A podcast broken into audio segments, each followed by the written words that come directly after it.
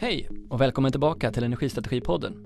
Här utforskar vi energimarknadens utveckling genom ögonen på de aktörer som är mitt i den. Jag som delar intresset för bättre förståelse heter Niklas Sigholm. Öresundskraft är ett kommunalt multi-utility-bolag i Helsingborg där Anders Östlund är mångårig VD. I förra podden med Anders pratade vi om den stora utmaningen som kommer med behovet av att gå från 9 ton koldioxid till 1 ton per svensk och år. Hur har valet förra året, kriget och fortsatta klimatkriser påverkat affärsläget, kunderna och de strategiska valen? Och varför väljer man att nu gå in i tung lastbilsladdning? Kul att ha er med! Hej Anders Östlund och varmt välkommen tillbaka till Energistrategipodden. Tack snälla. När jag eh, ställde ut den här frågan egentligen i början av hösten så var det ju ett läge där vi hade ett systempris som var helt otroligt. Ehm, men sedan toppen under köldknäppen i december så har terminspriset på det nordiska systemet för leverans i februari fallit med två tredjedelar. Vad är din syn på var vi befinner oss nu när det kommer till energikrisen i Europa? Jag måste nästan börja med att säga tack och lov att elpriserna har sjunkit till eh, en från en, helt extrem nivå ner till en hög eh, nivå. Och, och, och, min bild av detta, det, det, är ju ändå att vi befinner oss i någon form av eh, energikris som har en stark koppling till det som händer i Ukraina. Det är inget att om det. Men jag låter mig inte förblindas av det, för bakom den ridån så kvarstår ju stora, stora utmaningar i den europeiska energiförsörjningen oavsett detta. Eh, den saken är klar. Hur ser du då på EUs svar med de politiska interventioner och eh, förändringar av, inte förändringar av marginalprissättningen, men, men stöd för att i alla fall reglera priset? Ja, men I grund och botten så, så tycker jag man måste göra någonting. Eh, och, och, låt oss komma tillbaka till de här olika tidsperspektiven. Men situation som vi har just nu idag, eller hade riskerat att haft, det hade ju slått ut både privatpersoner och, och eh, ganska sunda företag. Och, och, och det måste man väl ändå sätta upp på krigskonsekvenslistan eh, så att säga. Så där. Och då tror jag man måste använda lite extraordinära åtgärder för att hantera en sån situation. Sen kan man ha olika åsikter om vilken metod som är den bästa eh, och där har jag många olika åsikter. Men att man gör någonting nu. Eh, jag har, jag har faktiskt ett ganska kul exempel. Så, så jag fick vara med på en härlig konferens som har varit i Helsingborg i många år som heter HBG Talks. Högprofilerad eh, konferens. Det var första gången jag fick vara med och prata trots att energi ju har varit så jädra eh, intressant och viktigt ämne i många, många år. Och då drev jag lite med dem när jag klev upp på scen. Så här, vad kul att jag får komma hit och prata om el. Det enda som behövdes var att elpriserna gick upp med 4, 5, 600 procent. Så där. Och, och alla fnissar ju lite förtjust och så här. Och så frågade de hur många av er vet vad elprisområden är? Ja, då, det var mer än ja, nästan 70-80 procent som räckte upp handen. Jag ställde den frågan för två år sedan så hade inte en käft vetat någonting. Så någonting har ju hänt här. Men sen tycker jag då får man inte ta det som intäkt för att nu är vi i ett läge där våra kunder kommer ägna hela sitt liv åt att eh, vara duktiga på att styra sin användning och annat när priserna går tillbaka till någon form av normalnivå i alla fall. Det behövdes 500-600 procent för att folk ska börja agera, inklusive min fru. Mm. Ja, om, om nu man kan säga att svenskarna har gått från någon form av omedveten inkompetent i den bemärkelsen att el och värme på något sätt alltid har funnits där och varit prissatt bortom det att man kan tänka på andra saker. Ehm, så, och vi har gått upp till att alla har blivit, fått liksom en medvetenhet om sin egen konsumtion egentligen oavsett om man är en industri eller för, för, liksom fastighetsägare privat. Vad har ni sett? Vad, vad tror du den, den trenden för med sig för framtiden? Hur tänker ni kring den?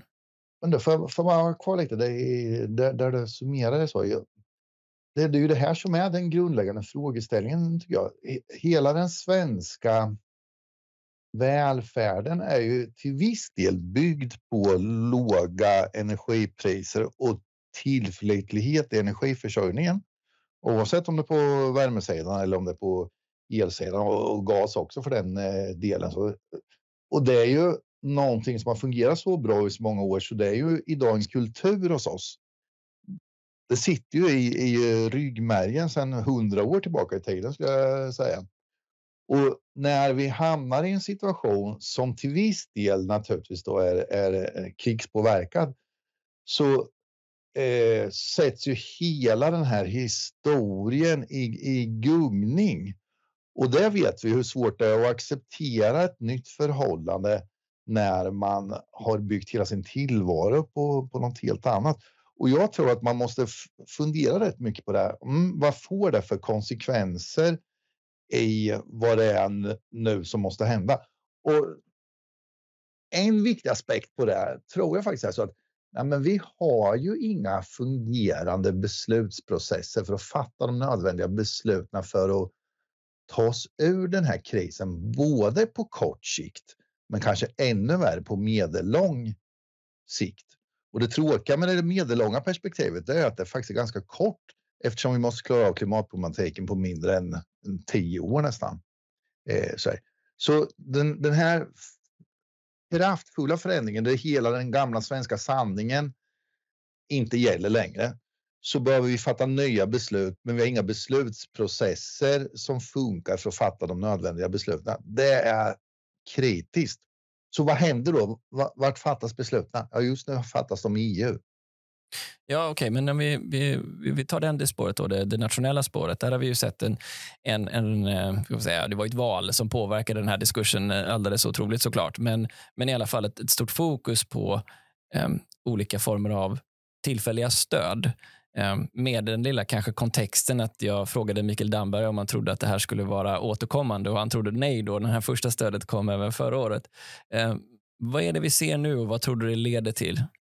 Ja, men jag, jag, tror det kommer fortsätta att man är tvungen att stödja eh, energianvändarna genom den här extrema pristoppen. Det tror jag faktiskt man kommer behöva göra. Och den samhällsekonomiska eh, konsekvensen av det, det är inte jag man att bedöma. Men jag, jag vänder mig lite mot den här retoriken om att alla prissignaler oavsett prisnivåer ska gå rakt till kund så gör de eh, rätt val.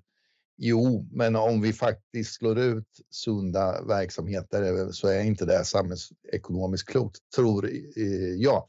Men, men jag, jag förutsätter att man kommer fortsätta och, hantera den här frågeställningen med olika typer av stödsystem. Det som jag tycker är problematiskt är att vi jobbar ju fel ände. Det gäller ju att påverka så priset på elen blir på en lägre nivå.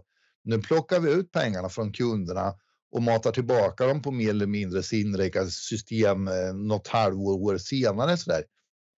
Det måste vara fel tänkt. Jag, jag, jag tror vi skulle verkligen behöva hitta ett system där vi tillgängliggör all tänkbar elproduktion oavsett om den är fossil eller inte och ser till att den kan användas för att köras, inte ligga i reserv utan användas och därmed hjälpa till att trycka ner priserna också. Det tror jag hade varit ett mycket, mycket bättre sätt än att låta priset bli sky high och sen hämta hem pengarna och sen dela tillbaka. Ja, det var en stor diskussion under hösten det här med att tillgängliggöra kapacitet, inte minst den kapacitet som finns inom kraftvärme Sverige eh, eftersom det, potentialen helt enkelt var störst där på kort sikt. Vad har hänt med hela den diskussionen som du ser det? Jo, men det har hänt ganska mycket med det. det. Är ju flera av eh, de anläggningar som har legat mer eller mindre i träda som nu är upphandlade av Svenska kraftnät. Så där har Svenska kraftnät fullföljt sitt, sitt uppdrag och det är bra. Sen eh, skulle ju man önska att eh, de här anläggningarna inte eh, är i någon form av reserv utan faktiskt används och bjuds in i marknaden på ett sätt som gör att priserna trycks ner också.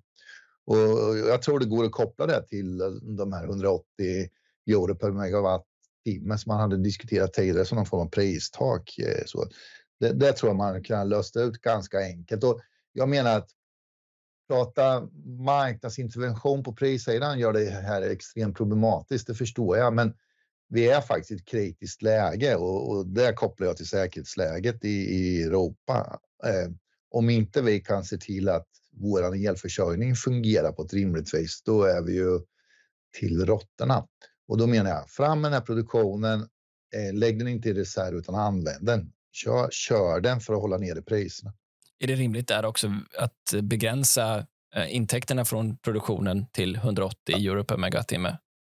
Ja, det, det, det, kan inte jag bedöma. Man, man, måste ju ändå se till att de som har de här anläggningstillgångarna kan köra dem med rimlig lönsamhet. Sen får det inte vara några övervinster, men kör du en fossil anläggning så är det ju naturligtvis inga övervinster eh, som, som gäller. Så där tror jag egentligen att man får eh, se till att de anläggningarna körs och sen får eh, då, vem det nu är, Svenska kraftnät antagligen gå in och, och ersätta dem eh, för att täcka mellan 180 och till vad det faktiskt kostar att producera. Eh, så den typen av lösningar tror jag man kan använda ganska snabbt och argumentet för att göra det, det är ju egentligen en, en säkerhetspolitisk eh, frågeställning. AB Sverige måste rulla på. Eh, och, och, och, och, då måste man säga det, i de sammanhangen, det finns det också många frågeställningar som är svåra för de som sitter på de här eh, anläggningarna. Och det är ju att man har eh, lovat sina ägare om att vara fossilbränslefria och därför ligger de här anläggningarna i träda. Och man har miljötillstånd som inte alls är anpassade för att börja köra dem igen. Då. Och då måste man ju lätta på det också, skriva avlatsbrev helt enkelt och få tillfälliga miljötillstånd. Och där kommer man tillbaka till den här beslutsprocessen i Sverige som ju är jäkligt trög. Alltså, hur får man allt det här att hända så snabbt som det behöver hända? Och, och det är ju helst skulle man ha gjort något till den, till den här vintern, men nu kanske vi får sikta på nästa vinter. Då, då. Men vi måste få upp tempot i beslutsfattandet. Mm, men det är väl en bra övergång från eh, de defensiva åtgärderna som jag tolkar att du tycker i, i all väsentlighet är rimliga givet dess, hur snabbt de har slagit in på marknaden och vilken dignitet de har haft. Om vi vänder på det då och tittar på de mer offensiva åtgärderna för att driva Sveriges elektrifiering och bidra till nya jobb. Där finns ju då både er ambition eh, på Öresundskraft men också Effektkommissionen i Skåne som har varit ute med en ambition om 5300 megawatt tror jag det var i bland annat vindkraft. Hur ser du på ledarskapet inom Sverige för att ta oss mot en elektrifiering, mer offensiv satsning på att ställa om samhället? Jag misstänker faktiskt att jag har vid flera tillfällen under de senaste åren och kanske inte minst under de här senaste eh, konvulsionerna kopplat till de extremt höga elpriserna. Jag har sett sönderfallet av den svenska modellen. För jag vara så drastisk? Eh, så och, och tittar man eh, exempelvis då på Skåne så är alla överens om problembilden oavsett om vi pratar eh, tillförlitlighet i elförsörjningen eller elpriser eller kapacitetstillgång över tid så, här, så är nog alla överens om att vi har ett jävligt stort problem. Eh, vi kan till och med formulera någon form av målsättning, vilket Effektkommissionen i Skåne har gjort på ett Eh, jäkligt bra sätt. Så, ja, sen måste man ju liksom ha en strategi för att den eh, målbilden ska bli löst eh, och bara sätta den strategin för några som kan energisystemfrågorna är komplicerat men inte omöjligt. Men att genomföra strategin där det är så många olika aktörer som kommer in i frågeställningen med olika intressen. Det är snudd på omöjligt. Miljösidan har eh, sina bitar då, kopplat till tillstånd och, och eh, annat. Och Svenska kraftnät har eh, allt som de måste bidra med, men där de också måste ha resurser och bygga ut nät. Hela lagstiftningen kring elnätsregleringen som nu plötsligt också är uppe på bordet igen där man börjar diskutera en ny intäktsreglering som skulle minska nätintäkterna med 20-30 procent kanske, när vi snarare behöver utveckla elnäten. Eh, sådär. Eh, och, och, och all, alla de här olika delarna motverkar ju varann eh, och det kommer inte gå och därför blir vi extremt trögrörliga och långsamma. Det händer ju faktiskt mycket, mycket mer saker i andra länder än vad det gör i i Sverige idag, till exempel kopplat till storskalig vindkraft till eh, havs. Sådär. Så, så där blir jag riktigt, riktigt orolig och då är jag tillbaka till det. Mm, men betänk då att Sverige har byggt mycket av vårt välstånd på tillförlitlig och billig elförsörjning. Och där har vi spelat bort det kortet nu, men vi lyckas liksom inte komma upp på kusen igen känns det som. Det känns ju nästan eh, verklighetsfrämmande när SVK i sin kortsiktiga marknadsanalys visar på att med givet Englands utbyggnadsplaner för sin vind att flödet till England skulle vända 2027. Ja. Ja. Det vill ja, säga verkligen. att vi har dyrare priser än vad man har i England under, ja. under perioder. Ja, verkligen. Ja, det verkar helt eh, vansinnigt eh, sådär. Och, och, och, vi, vi har ju pratat om det tidigare, just om att ja, men elanvändningen ska fördubblas, kanske tredubblas i Sverige för att möjliggöra att vi kan fasa ut de fossila bränslena även i industrisektor och transport. Eh, så här, tillförseln blir volatil, användningen blir ännu mer volatil i, i det här och hela den svenska grundstrukturen som bygger på elproduktionen i norra Sverige och, och förflyttning av elen ner till de södra befolkningscentra håller också på att, att ändras. Men vad är våran plan för att möta den förändringen på ett strukturerat sätt? Och i den svenska modellen så har det liksom funnits starka myndigheter som visar liksom vägen och, och, och skapar förutsättningar. Och sen är det ju tänkt liksom att företagen ska vara med och understödja den här utvecklingen. Nu finns ju inte den politiska och myndighetsutövande styrningsfunktionen längre. Den, jag ser inte den helt enkelt, utan nu drivs det mycket tycker jag av eh, duktiga företag som vill vara med och, och framförallt driva klimatarbetet till en helt ny nivå. Det är skithäftigt. Men kanske framför allt så händer det otroligt mycket på EU-nivå.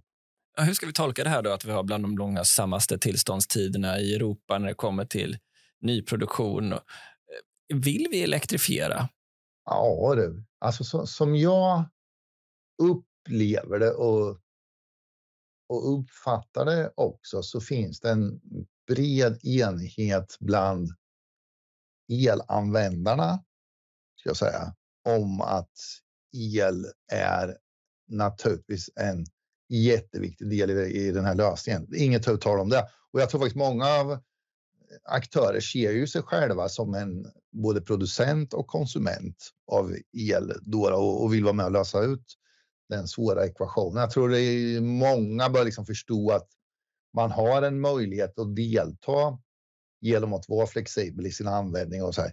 Så jag, jag tycker den det har landat. Det som naturligtvis kan få det att ändra sig, det är ju om elpriserna blir jätte, jättehöga. Eh, då är det klart, då, då kommer ju drivkrafterna att göra den omställningen och, och, minska. Men jag har jättesvårt att se att det kommer bli så trots allt eh, efter det att vi möjligtvis är igenom eh, Ukraina-krisen. Vilken typ av ledarskap skulle du vilja se från den svenska politiken om du fick önska fritt? Det, det är en komplex fråga. Jag har stor respekt för att ministrar och, och, och vad det nu är inte fullt ut kan omfamna hela komplexiteten i frågeställningen eh, sådär. Eh, men då borde de eh, vara rätt försiktiga i sin, sina retoriska angrepp och peka mycket mer på sina myndigheter, tycker jag, eh, som borde faktiskt hjälpa till att sätta den här eh, agendan, den här strategin för framtidens elförsörjning i Sverige. Så det finns många bra brottstycken i det, men det måste sätta samman och den strategin måste vara den vi jobbar utefter. Och sen måste man ju börja ställa krav på energiföretagen. Så vi har ju ett försörjningsansvar eh, kopplat till eh, elnät, inte minst. Eh, så, sådär. Jag tror man skulle vara tuffare, tydligare kravställare mot de olika aktörerna som finns i det här, att vi gör vårat jobb. Idag känns det inte som någon tar riktigt ansvar. Vem är den starka företrädaren, den personliga företrädaren för framtidens svenska energiförsörjning. Idag är det ingen, skulle jag säga, det finns ingen som har den rollen idag. Är det plattformen? Det skulle behövas nu. Mm. Ja, den, den, plattformen skulle någon behöva om någon skulle behöva fylla den med jävligt bra innehåll. Skapa en trygghet. Eh, och så kör vi. Men givet den här osäkerheten då, att vi inte riktigt är på det klara vart vi politiskt är på väg. Vi har en krigssituation med en allt mer volatil europeisk energimarknad, eh, vilket ju också förmodligen kommer att spilla över ett antal år om kriget fortsätter. Eh, hur är det för dig? Vad är det för typ av kristallkula du jobbar med idag när du ska blicka framåt för Öresundskraft och dess bolag eh, i ditt ert strategiska arbete? Ja, men I vårt fall så, och det är ju ganska enkelt ibland när man, när man är en aktör ägd av en kommun. För våran målbild är ju per definition mångfacetterade. Man väger av ekonomi kontra miljö och, och samhällsutveckling eh, på något vis. Då. Och I vårat fall så används Öresundskraft som ett verktyg för att driva omställning som är bra för den regionen där vi verkar i. Eh, ett av uppdragen är ju att elektrifiera transportsektorn. Vi har redan gasifierat den. Eh, det har vi redan bidragit till. Det har vi lämnat vidare till andra aktörer som har en större marknad än vad vi har. Nu gör vi det på elbilsidan via Mer Sverige och på lastbilssidan via Gate2. Det är en sak vi gör. Det andra är ju att vidareutveckla fjärrvärmen så fjärrvärmen kan vara en del i lösningen av plats, plastproblematiken Eh, som ju idag förbränns och eh, fossila utsläpp uppstår som eh, vi idag bara släpper rakt ut i skorstenen. Sådär. Så vårt uppdrag i det hänseendet är ju att koldioxidinfånga helt enkelt för att kunna trots allt över en övergångsperiod i alla fall eh, energiåtervinna plast som annars eh, måste nästan de deponeras eller skickas till någon annan. Då. Men hur funkar den logiken annars? Då? För jag menar, en, en vän av ordning och en investerare skulle kunna säga nu med en stor politisk osäkerhet och en marknad som är under kraftig förändring, krav på Frankrike om att överge marginalprissättningsmodellen, kanske skulle dra öronen åt sig. Men det låter som att du säger att ja, men våra planer ligger fast oaktat det här. Ja, det, det skulle jag säga. Och, och, och där tror jag jag med gott och kan säga att klimat kommer driva utvecklingen, eh, antingen man vill eller inte, oavsett politisk åskådning. Och det kommer bli ännu värre innan det blir bättre, tror jag. Och exemplen på vad klimatproblematiken ställer till med blir bara fler och fler och värre och, och värre. Jag, jag, tror när vi är genom Ukraina-krisen så kommer klimatkrisen slå oss i, i, mitt på näsan så gör det ont på riktigt faktiskt. Och, och om vi ska klara av att minska koldioxidutsläppen på den tidsrymd som är utmätt och i Helsingborgs fall så ska vi, vi bli netto nollutsläppare i platsen Helsingborg till 2030 ja, då är CCS en, en nödvändighet. Och jag tror att betalningsviljan för CCS kommer vara tillräckligt stor för att det går, går att få ihop eh, det hela. Och sen tror jag också att utan CCS så kommer ju fjärrvärmen få en problem eh, som blir nästan oöverstigligt. Så då blir helt plötsligt fjärrvärmen en av de största punktutsläppen av koldioxid om man eldar avfall. Då. Eh, och, eh, då hamnar fjärrvärmen på slutande planet och då tappar vi hela kraftvärme. Om fjärrvärmen skulle behöva försvinna då, då tappar man hela kraftvärmeproduktionen. Man tappar, eh, eh man är tvungen att ersätta fjärrvärme med någon annan energibärare, troligtvis förnyelsebar el. Då, då går man att gå åt ännu mycket, mycket, mycket mer el. Så det gäller att vara rädd om fjärrvärmen, eh, men också utveckla den. Då, då. Och CCS eh, tror jag är en jättefräck eh, eh, nytta.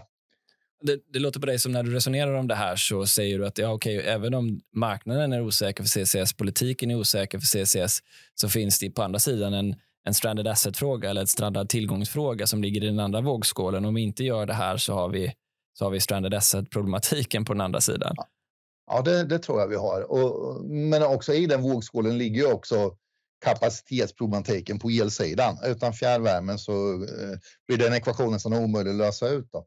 Så jag, jag, tror eh, att koldioxidinfångning kommer vara en viktig teknik. Och eh, vi har fattat inriktningsbeslut innan årsskiftet om att gå vidare med vårt projekt i, i, med målsättning att kunna uppföra en sån här anläggning till 2027. Vi är ju naturligtvis ödmjuka inför att många av faktorerna i den här ekvationen fortfarande är ytterst variabla kan man ju säga. Sådär. Så det måste stängas ner. Men det är intressant när man är ute och träffar våra kunder, för vi har ju byggt upp tankegången om att fjärrvärmekundernas eh, avfall blir klimatpositiv el, värme och kyla. Det är en jädra häftig koppling där. Och så har vi varit ute och pratat med våra största kunder, men också en del andra intressenter. Alla är på. Alla är jättepå. De skriver letter of intent med oss med att köpa de här negativa utsläppen. Väl medvetna om att prissättningen kommer att vara eh, svår att definiera just nu. Eh, sådär. Men alla gör det. Alla är på. Eh, och jag måste bara nämna ett kundmöte som jag hade som gör mig extremt hoppfull. Eh, och det, är, det finns ett fantastiskt fint företag i Helsingborg som tillverkar eh, medikamenter. Eh, de, de, har en sajt som i den globala koncernen är den första koldioxidneutrala fossilbränslefria anläggningen i världen. Och de har en ny fransk chef där och honom träffade jag. Så sa han till mig, du Anders, du måste förstå att om inte vi är klimatpositiva inom X år, jag kommer inte ihåg exakt vad han sa för tid, men det var i närtid, så tror inte jag att våra produkter kommer få vara på apotekens hyllor. Då tänker man, wow, är det så de tänker? Ja, då kanske vi inte behöver vara så oroliga. Vi har ett fantastiskt eh, energisystem kopplat till fjärrvärme om vi blir av med de fossila bränslena. Ja, det man ser eh, av er offentliga kommunikation så signar ni letter of intent med ett antal aktörer, Catena bland annat, som då går ut och säger att men vi är beredda att köpa negativa utsläpp eller ta del av det här eh, på något sätt. Eh, och, men och Vi ser ju också eh, att just att hitta den typen av mottagare är ju alldeles livsnödvändigt för stora investerare som Northvolt som säger att de måste ha en viss antal volym av sin totala produktionskapacitet innan de kan få upp liksom, lönsamhet och lån för, för sin verksamhet. I vilken mån är det nödvändigt att innan det finns en negativ marknad på EU kunna hitta avsättningen själv för vart koldioxiden ska um, betalas? Ja, men det kommer att vara jätteviktigt. Eh, så. Man måste ju ändå bära med sig att de som är pionjärer i de här sammanhangen kommer ju inte vara de som bygger de bästa anläggningarna heller. Eh, så, så är man pionjär så måste man få Eh, hjälp, tror jag. Eh, och en hjälp är ju att dela den här risken med andra aktörer, kunderna till exempel. Eh, så, men jag tror också man måste få eh, hjälp från samhället i stort, och staten eh, och så där. Och om det här ska lyckas så eh, behövs det pengar, ganska mycket pengar, men det är trots allt en liten peng för att bli av med jättemycket koldioxid och skapa kolsänkor. Eh, sådär. Och den typen av omställningar har Sverige gjort förut. Vi har fasat ut de fossila bränslena i fjärrvärmesektorn som är den största klimatgärningen som vi har gjort i Sverige, eh, skulle jag tro. Eh, och det kostar ganska mycket pengar, men alla blir vinnare på det. Staten, kunderna, eh, de som gjorde investeringarna också. Så här tror jag staten måste gå före och kraftfullt visa vägen genom att ekonomiskt sett eh, understödja detta, ta ner risknivån. Och det måste gå fortare än vad det gör idag, mycket, mycket fortare. Hur tolkar du då regeringens eh, senaste bud kring de här 36 miljarderna av nationella eh, buden av CCS, att det inte också rör avfall? Och ja, jag, CCS jag, avfall? Ja, men jag, jag förstår jag, jag, förstår ju tankegången om att man får en större nytta om det är biogena koldioxidmolekyler som man tar bort och skapar den kolsänkan. Jag förstår det. Där man måste förstå också att ja, men vi kan inte välja bort avfallsförbränningen. För här har vi trots allt ett annat problem som vi måste hantera. I vårt avfall så är det ungefär 50% som är biogena koldioxidmolekyler och 50% som är fossila. De kommer från fossil plast som ett kvittblivningsproblem. Alltså, vi kan ju sätta lapp på luckan och säga vi tar inte emot eh, fossil plast. Vi gör inte det. Vi eldar bara biobränsle. Och så har ju vi löst vårat problem och skapa en stor kolsänka. Men vad gör vi av avfallet? Då ska man säga, ja men avfallet får väl inte uppkomma då? Ja, det är ju en jättebra idé. Hur snabbt händer det? Vi ska ställa om en hel värdekedja från grunden eh, med stora industrier som är uppbyggd på att använda plast på ett visst sätt. Och Det kommer ta jättelång tid. Och det är det jag menar med att göra rätt saker nu i det medellånga perspektivet. Det, det, det, är inte att tro att allting, alla problem bara försvinner, utan vi måste hantera de problemen. Och det är där vi också kanske hamnar fel i eh, diskussionen om kärnkraft eller inte kärnkraft. Ja, men det hade naturligtvis varit smart att fortsätta använda kärnkraft ur ett klimatperspektiv när den redan är byggd så länge som det bara går i väntan på att vi får till eh, de nya eh, lösningarna.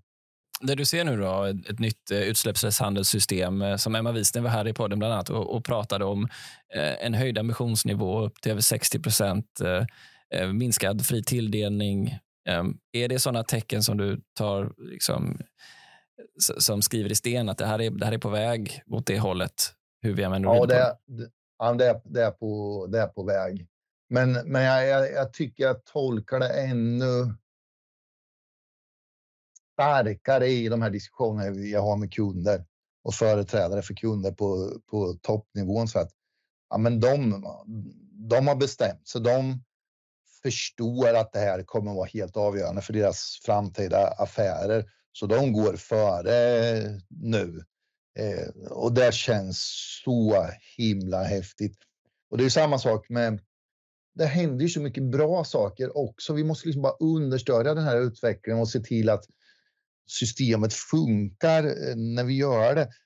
Vi har aldrig anslutit så mycket solelsanläggningar som vi har just nu. Det bara rasar in eh, våra elnätsingenjörer håller ju på att krackelera, men i grunden så är det ju fantastiskt bra. Det är storskaliga solparker, alltså över 100 megawatt i, i eh, kapacitet som flera stycken sådana som vill in på nätet. Vi har i alla fall sju, åtta storskaliga havsbaserade vindkraftsprojekt runt eh, Skåne och Blekinges eh, kust där som ju hade gjort underverk. Så lösningarna finns ju där. Strategin har varit jätteenkel på en övergripande nivå i alla fall att, att mejsla fram. Så, sen måste vi som jag sa tidigare skapa förutsättningar för att kunna genomföra den. Och då måste många viktiga intressenter i den värdekedjan tänka annorlunda. Och vi måste skapa andra legala förutsättningar och andra stödsystem också för den delen. Men det går. Men vi hoppar tillbaka till det lite då, eh, bara för att få pick your brain on, en, om, på en fråga. För om, om ditt vittnesmål här stämmer, att uh, inte, inte bara lokala fastighetsbolag, nationella fastighetsbolag, internationella industrier säger det här till dig och du har privatpersoner som redan gör den här förflyttningen av ja, vilken anledning det nu än är, om det är säkerhetsfrågan eller om det är kostnadsfrågan. Och sen så har du också till och med fackförbund som går ut och säger att den här omställningen krä, liksom, krävs nu. Eh, då har du både industri, du har bransch, och du har lokala fackförbund och ändå så säger du att det saknas ett, ett nationellt ledarskap i frågan som på det övergripande planet, trots att det är hyfsat lätt att se framåt. Vilken yeah. pusselbit är det som saknas här? Jag får, jag får inte riktigt ihop det själv nämligen. Nej, jag får inte, jag får inte heller ihop, ihop det. Och det var lite det jag menar med den svenska modellen, sönderfall på, på något vis. Jag, jag, inte, jag, jag hade velat suttit eh, som en fluga på väggen när besluten fattades om att Sverige skulle bygga ut både fjärrvärme och, och kärnkraft. Alltså så här i efterhand så verkar ju det vara extremt strategiskt smarta beslut eh, att göra det vid ett tillfälle. Så Sverige har levt extremt gott eh, på det. Hur gjorde man när man fattade de typerna av beslut? Eh, ja, det, det, det, var ju en annan tid naturligtvis då, men en helt annan planstyrning så där. Och idag har vi en mycket mer fragmenterat beslutsfattande och en blandning mellan politisk myndighetsstyrning och marknadsstyrning så där, som har fungerat bra i fredstid kan man ju säga och, och, där vi har levt på gamla lagrar men som faktiskt inte fungerar tillräckligt bra när vi behöver omdesigna energisystemet. Det funkar inte så bra. Eh, och de flesta liksom verkar ju vilja abdikera lite från sin roll nästan att kliva fram och säga att ja, men vi har ett ansvar för att hjälpa till att designa framtidens energisystem.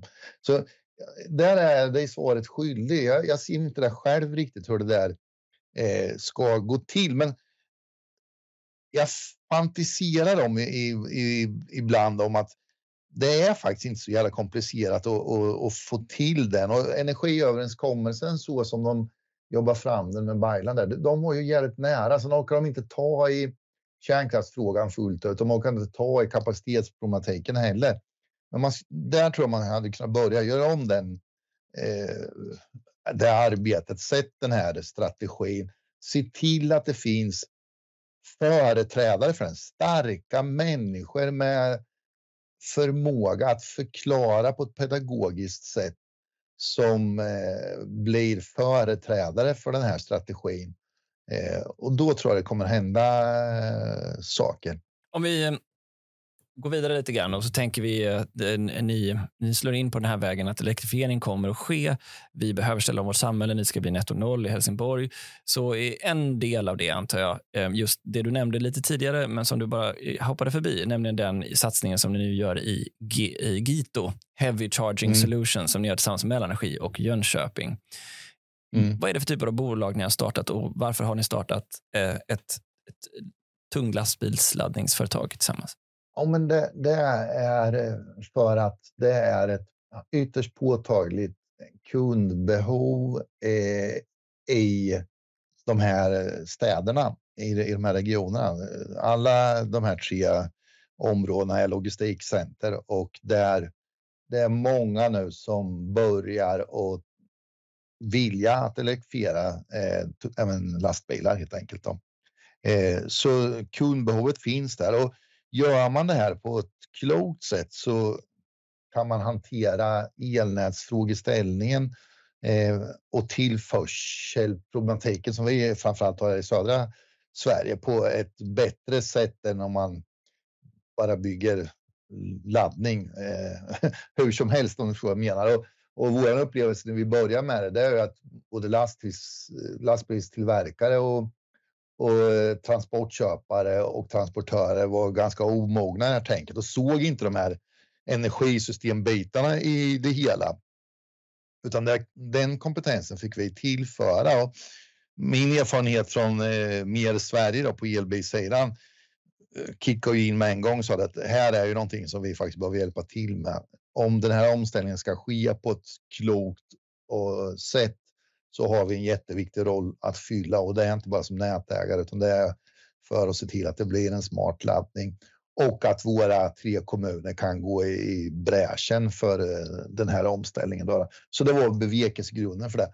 Men sen vet man ju också att om vi ska lyckas eh, möta de här kundernas behov så måste man tänka större än, än små lokala satsningar. För deras transportbehov sträcker sig över stora geografiska ytor. Så redan från början så sa vi att vi måste följa kunderna, inte utgå ifrån vart våra nät är. Och då blir det naturligt att bilda ett gemensamt bolag. Är det ett tecken i tiden det här? Behovet av att bredda samarbetena och se större geografiska ytor av just skälet att kunna vara en, en mer nationell spelare? Ja, ja, jag är helt säker på det. Sen bör man inte vilja gemensamma bolag kring allt, men jag, jag tror verkligen det, det är komplext att vara ett energibolag i den omställning som nu sker. Det, det är komplext för alla inblandade, men inte minst för energibolag som, som ju har ett traditionellt ansvar och, och en rejäl legacy att dra på. Och så helt plötsligt så ska man vara med och designa ett nytt energisystem och möta kunder som har helt nya behov. Och vara ensam i den utvecklingen är snudd på omöjligt skulle jag tro i, i framtiden. Man kan välja en strategi där man säger att ja, men vi är bara infrastrukturägare, så får någon annan göra allt annat. Det är möjligtvis en strategi, men, men om man vill vara med och driva omställningen så tror jag att man måste samarbeta. Och samarbeta är så jädra energigivande eh, och roligt, men det är också något som gör att man kan rycka håret ur skallen. Alltså. För det är ju svårt. Och, och göra det på ett sätt där det skapar liksom värde på riktigt. Att fejka, eh, fejka samverkan, det är lätt, men att göra verkstad är svårt. När ni ehm, kliver in i en sån här ny bransch ehm, med aktörer som ju har varit på just drivmedelssidan länge, eh, hur sker, hur, vad har du betraktat i det att ni som helt ny aktör kommer in och tar en position som, ja, där man som privatperson associerar med att jag stannar vid Preem eller vid, vid Circle K eller vid någon annat sådant tillfälle? Ja, men eh, om man tar lastbils... Eh, på personbilssidan så var det ju jävligt spännande på det sättet. För vi var, vi, vi var tidigt ute då. Då fanns ju knappt några elbilar. Och, alltså verkligen så här på pionjärsnivå. Vi körde elbilsrallyn och, och de flesta biltillverkare som kom då, de och var med på de där tillställningarna, de, de trodde ju inte på idén och hela det här köret. Så, och sen ser man vad som har hänt på elbilssidan nu. nu. Det kanske blev några år senare än vad vi trodde, men det, men det händer ju verkligen. På lastbilssidan så är det på ett annorlunda sätt och det är tillbaka till det att ja, många av de här kunderna och aktörerna är så medvetna om att köra på fossila bränslen är inte framtiden. Det, det kommer inte gå. Vi måste ställa om. Och då börjar de att hitta eh, olika typer av lösningar. Och det som är intressant här, det är ju att alla förstår att det är svårt och man måste dela kunskap med varandra. Så två av våra största, Eh, första och största satsningar på att bygga laddning är tillsammans med Volvo. Eh, och det hade lika gärna kunnat varit Scania eller någon annan, men, men det råkade bli eh, Volvo. Och det som var så intressant med dem, för jag tänkte att mm, nu kommer lilla Öresundskraft här och de kommer äta upp oss eh, framlänges och baklänges och vill bara att vi ska investera och få dem använda så. Men inte alls på det sättet, utan ganska tidigt så var min upplevelse att de förstod att vi kan någonting, det vill säga energisystemet som inte de kan. Men de kan massor om lastbilar och, och lastbilskundernas eh, användning och tillsammans kunde vi skapa en, eh, en kunskapsnivå som eh, är ganska unik tror jag, men också dela på risk när man gör de här första investeringarna. Så jag, jag tror att den här drivkraften är att vara med och göra omställningen, men också insikten är att ska man ta en position så måste man nästan samarbeta. Den är större nu än vad den har varit tidigare. Ja, hur, hur har det varit upplevelsen av att hitta den här eh, typen av att hitta affären i den här typen av samarbete? För jag kan bara, om jag tänker fritt här, föreställa mig att Volvo har en massa data i sina lastbilar och de vet precis hur mycket de är laddade, de vet precis var de skulle behöva stanna någonstans. Men det gör ju även Scania och MAN och ja, de andra ja, ja. lastbilarna. Och alla är intresserade av att, antar jag, få snabba stopp där tillgängliga laddare finns för att kunna komma iväg liksom i rimlig tid igen. Hur är det att hitta affären kring den typen av datadelning som skapar smidighet för kollektivet när det är enskilda märken som ändå kommer in med sin egen data? Ja, eh, mm, eh, det återstår väl lite att se, eh, tror jag. Så eh, nu blir, data är ju liksom en, en hård valuta nu, så den släpper man inte ifrån sig hur som helst. Och än så länge har vi sagt att ja, men, eh, i, i det här fallet med Volvo, de sitter på den datan som de har. Vi sitter på den datan som vi behöver ha, eller som vi får fram via hur laddningen fungerar och sen får vi naturligtvis slå våra kloka huvuden ihop och se vad det är för mönster vi, vi kan få fram där och hur vi kan anpassa konceptet eh, baserat på, på det. Men än så länge så håller man nog på liksom, de traditionella gränserna. Men jag tror det kommer, jag tror faktiskt det kommer att utvecklas. Och det kommer ju liksom in andra aktörer i, i där som kommer sitta på mycket annan data. Det är ju depåägarna eh, där mycket av laddningen kommer ske och de kommer ha en helt annan typ av, av eh, data. Då. Men jag tror verkligen att få fram den här datan, dela den på ett eh, naturligtvis klokt sätt som eh, inte gör att man klampar i, i uh, olika typer av klaver med GDPR och annat. Så, men, men att dela den datan, se mönster och utveckla koncepter från det, det tror jag alla är medvetna om att det måste ske.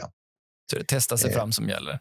Ja, det, det är det. Så och det som skiljer på lastbilssidan jämfört med personbilssidan det är att här behövs det bokningssystem. Alltså du kan inte komma med lastbil och inte kunna ladda. Eh, eh, sådär. Och det kommer ställa helt andra krav eh, på det hela. Så, men de är ju absolut inte oöverstigliga. Men sen om du kopplar ihop det med att många depåägare kommer ha solceller på taket, troligtvis eh, ganska stora batterianläggningar och annat. Eh, det är då det börjar bli spännande på eh, riktigt. Då väljer jag att kliva över till den frågan som du var inne och touchade på tidigare. Jag hade ju i tidigare höstas en intervju med Therese Inman Persson som, eh, på Energimarknadsinspektionen om den nya regleringen. Vi hade då redan sett eh, den nya regleringen gå mot eh, förmögenhetsbevarande på just vad gäller gas. Ni var, kommenterade det och nu så får vi ett förslag också gå från kapacitetsbevarande till förmögenhetsbevarande. Eh, du nämnde att det kan minska kapitalbasen rätt så mycket och vad det betyder för ja, hur man kan investera vidare, hur man kan låna pengar och så vidare. Och Det är många nu då energibolag som egentligen carte blanche har överklagat det här igen. Och Vi har tidigare hört elnätsägare beklaga sig över hur snabba skiften man upplever att det har varit eftersom man upplever att det varit många eh, under varje reglerad period här. Hur ska jag ställa den här frågan nu egentligen? Men vad är din take på vad som händer från, en, från Energimarknadsinspektionens sida just nu? Alltså, eh, eh, eh, mm, en tycker jag viktig take på det, det är ju tyvärr ytterligare ett exempel på där vi inte har lyckats att gemensamt mellan Energimarknadsinspektionen och energibranschen föra en konstruktiv dialog som leder till någonting som är bra för AB Sverige. Vi lyckades inte göra det innan det blev tydligt om att hela energisystemet måste ändras i, i grunden för att möjliggöra nyelektrifieringen och tyvärr så lyckas vi inte göra den nu heller. Och det är sorgligt tycker jag, för eh, här skulle ju verkligen den gamla svenska modellen kunna användas fullt ut. Vad, vad gör vi för att säkra framtidens elnät så det blir bra för AB Sverige på något vis? Och det, det känner jag lite sorgsenhet kring att inte branschen och myndigheterna har varit mer framgångsrika att samarbeta kring de frågorna, utan vi har fått lösa den ena konflikten efter den andra i, i olika typer av domstolsprocesser och att vi hamnar där vi gör just nu då känns extremt olyckligt. Eh, det vill säga att vi ägnar tiden åt att fundera på hur elnätsverksamheten överhuvudtaget ska eh, klara av att hantera kraftigt minskade intäkter istället för att diskutera hur elnätsverksamheten skulle utvecklas för att möjliggöra nya elektrifieringen. Det är ytterst olyckligt och eh, det är ett underbetyg eh, tycker jag till oss i, i, i branschen tillsammans med myndigheterna att vi liksom har, har hamnat här. Vi går mot en ny tid av domstolsförhandlingar kanske? Och känns ju så när vi faktiskt behöver göra någonting helt annat. Och, eh, vi borde ju både prata om hur eller vad framtidens elnät måste klara av att göra, men också hur det ska gå till i, i praktiken. Så det borde vi prata om när elanvändningen ska fördubblas och användningen och tillförseln blir mycket mer volatil. Vad innebär det för elnäten? Hur ska de utvecklas? Och vad kommer det att kosta? Det borde vi prata om mycket, mycket mer. Men just nu så känns det som att det vi pratar om det är att Energimarknadsinspektionen anser att elnätsbolagen tar ut alldeles för mycket pengar och det är det som vi ska börja och hantera. Och det kanske finns fog för den kritiken i vissa sammanhang, men jag tror faktiskt inte det är det som är grundproblematik. Ja, så har du också det här spåret som började egentligen med undermätning som nu har gått över till eh, gemensamma likströmsnät eller energigemenskaper eller förnyelsebara ja. energigemenskaper som också ger incitament för fastighetsägare med flera huskroppar att helt enkelt koppla in en punkt bara och jobba med lastbilen och därmed ta ner effektuttaget ganska betydande och Det är också mm. en bärande faktor i, intäkts, i, intäkterna för, för elnätsbolag. Det, är så flera hot här som kommer mot elnätens affärer. Ja, ja, ja, och, och, och då, då säger inte jag att det är en tokig idé. Jag, jag gillar i grunden den tankegången. Sen känns det ibland som att det går lite, eh, vad heter det, över ån efter vatten på något vis. Så det, men det kanske är en del i, i det här spänningsfältet som vi pratade om tidigare som har gjort att det blir på det sättet också. Eh, men allt det där tenderar ju till att rikta fokus på kanske fel ställe. Vad tror du kommer hända då? Har du någon spaning där med tanke på hur många, ja, bra bit över hundra elnät som vi har i landet, stora som små, när det blir sådana här stora förändringar i en bransch som, ja, även om vi jämför med kraftvärmen, är ännu mer långsiktig? Ja, ja men jag, jag tror de här regulatoriska pålagorna i kombination med att energisystemet i sig håller på att förändras i en rask takt kommer öka trycket otroligt mycket på, på kommunerna och dess energibolag. Så där, och jag, jag tror faktiskt, vi pratade om, om samarbeten förut, jag, jag tror samarbeten kommer bli i, otroligt viktigt. Alltså jag, jag tycker Öresundskraft är ju ett halvstort energibolag. Jag, jag tycker vi har jättesvårt att hänga med i alla turer. Framför allt om du även ska ha koll på det som händer på EU-nivå. Sådär. Och jag har jättesvårt att se att alla elnätsbolag eller energibolag själva kommer att ha förmågan liksom att navigera i den här. Så olika typer av samarbeten tror jag kommer bli jätteviktigt.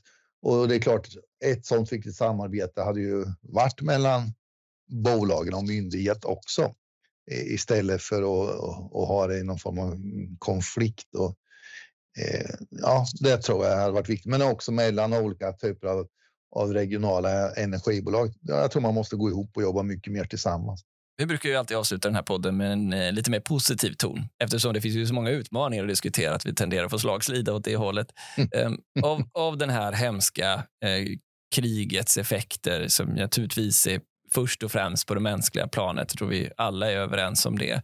Men vad finns det som du har plockat med dig av dess tuffa konsekvenser som har varit det mest positiva här under den senaste, ja, den här vintern vi har gått in i och förmälat till den? Ja, men om man tar det ur energisynpunkt så är det ju trots allt att det driver på den utveckling som hade behövt hända i alla fall. Och, och det gör mig extremt hoppfull också. Jag måste säga det. Eh, alla kunder som eh, nu vill delta både som prosument och flexibel användare. Det är ju helt fantastiskt. måste ju förvalta det pundet även när det återgår till, till någon form av eh, mer normalt eh, scenario trots allt. Men där känner jag mig extremt peppad. Hade du frågat mig för ett och ett halvt år sedan så hade jag inte alls varit lika peppad på det. Nu händer det på riktigt. Om bara de som måste hjälpa till och skapa rätt förutsättningar gör det så kommer vi komma superlångt på ganska kort tid. Och det klimatmålet som vi har i Helsingborg om, om netto noll till 2030, det är högst levande och möjligt att uppnå. Men eh, det måste fattas många bra beslut i närtid för att det ska gå. Så jag är extremt hoppfull eh, kopplad till det. Och det finns något annat i det här som är otroligt roligt och det är väl ändå solidariteten som man ser på Europanivå Eh, och, och, faktiskt kanske på lokal nivå också. Den är också häftig att få med och uppleva på något vis. Den har man inte sett förut. Anders, tack så mycket för att du tog dig tid att vara med i Energistrategipodden. Det var mitt nöje enbart.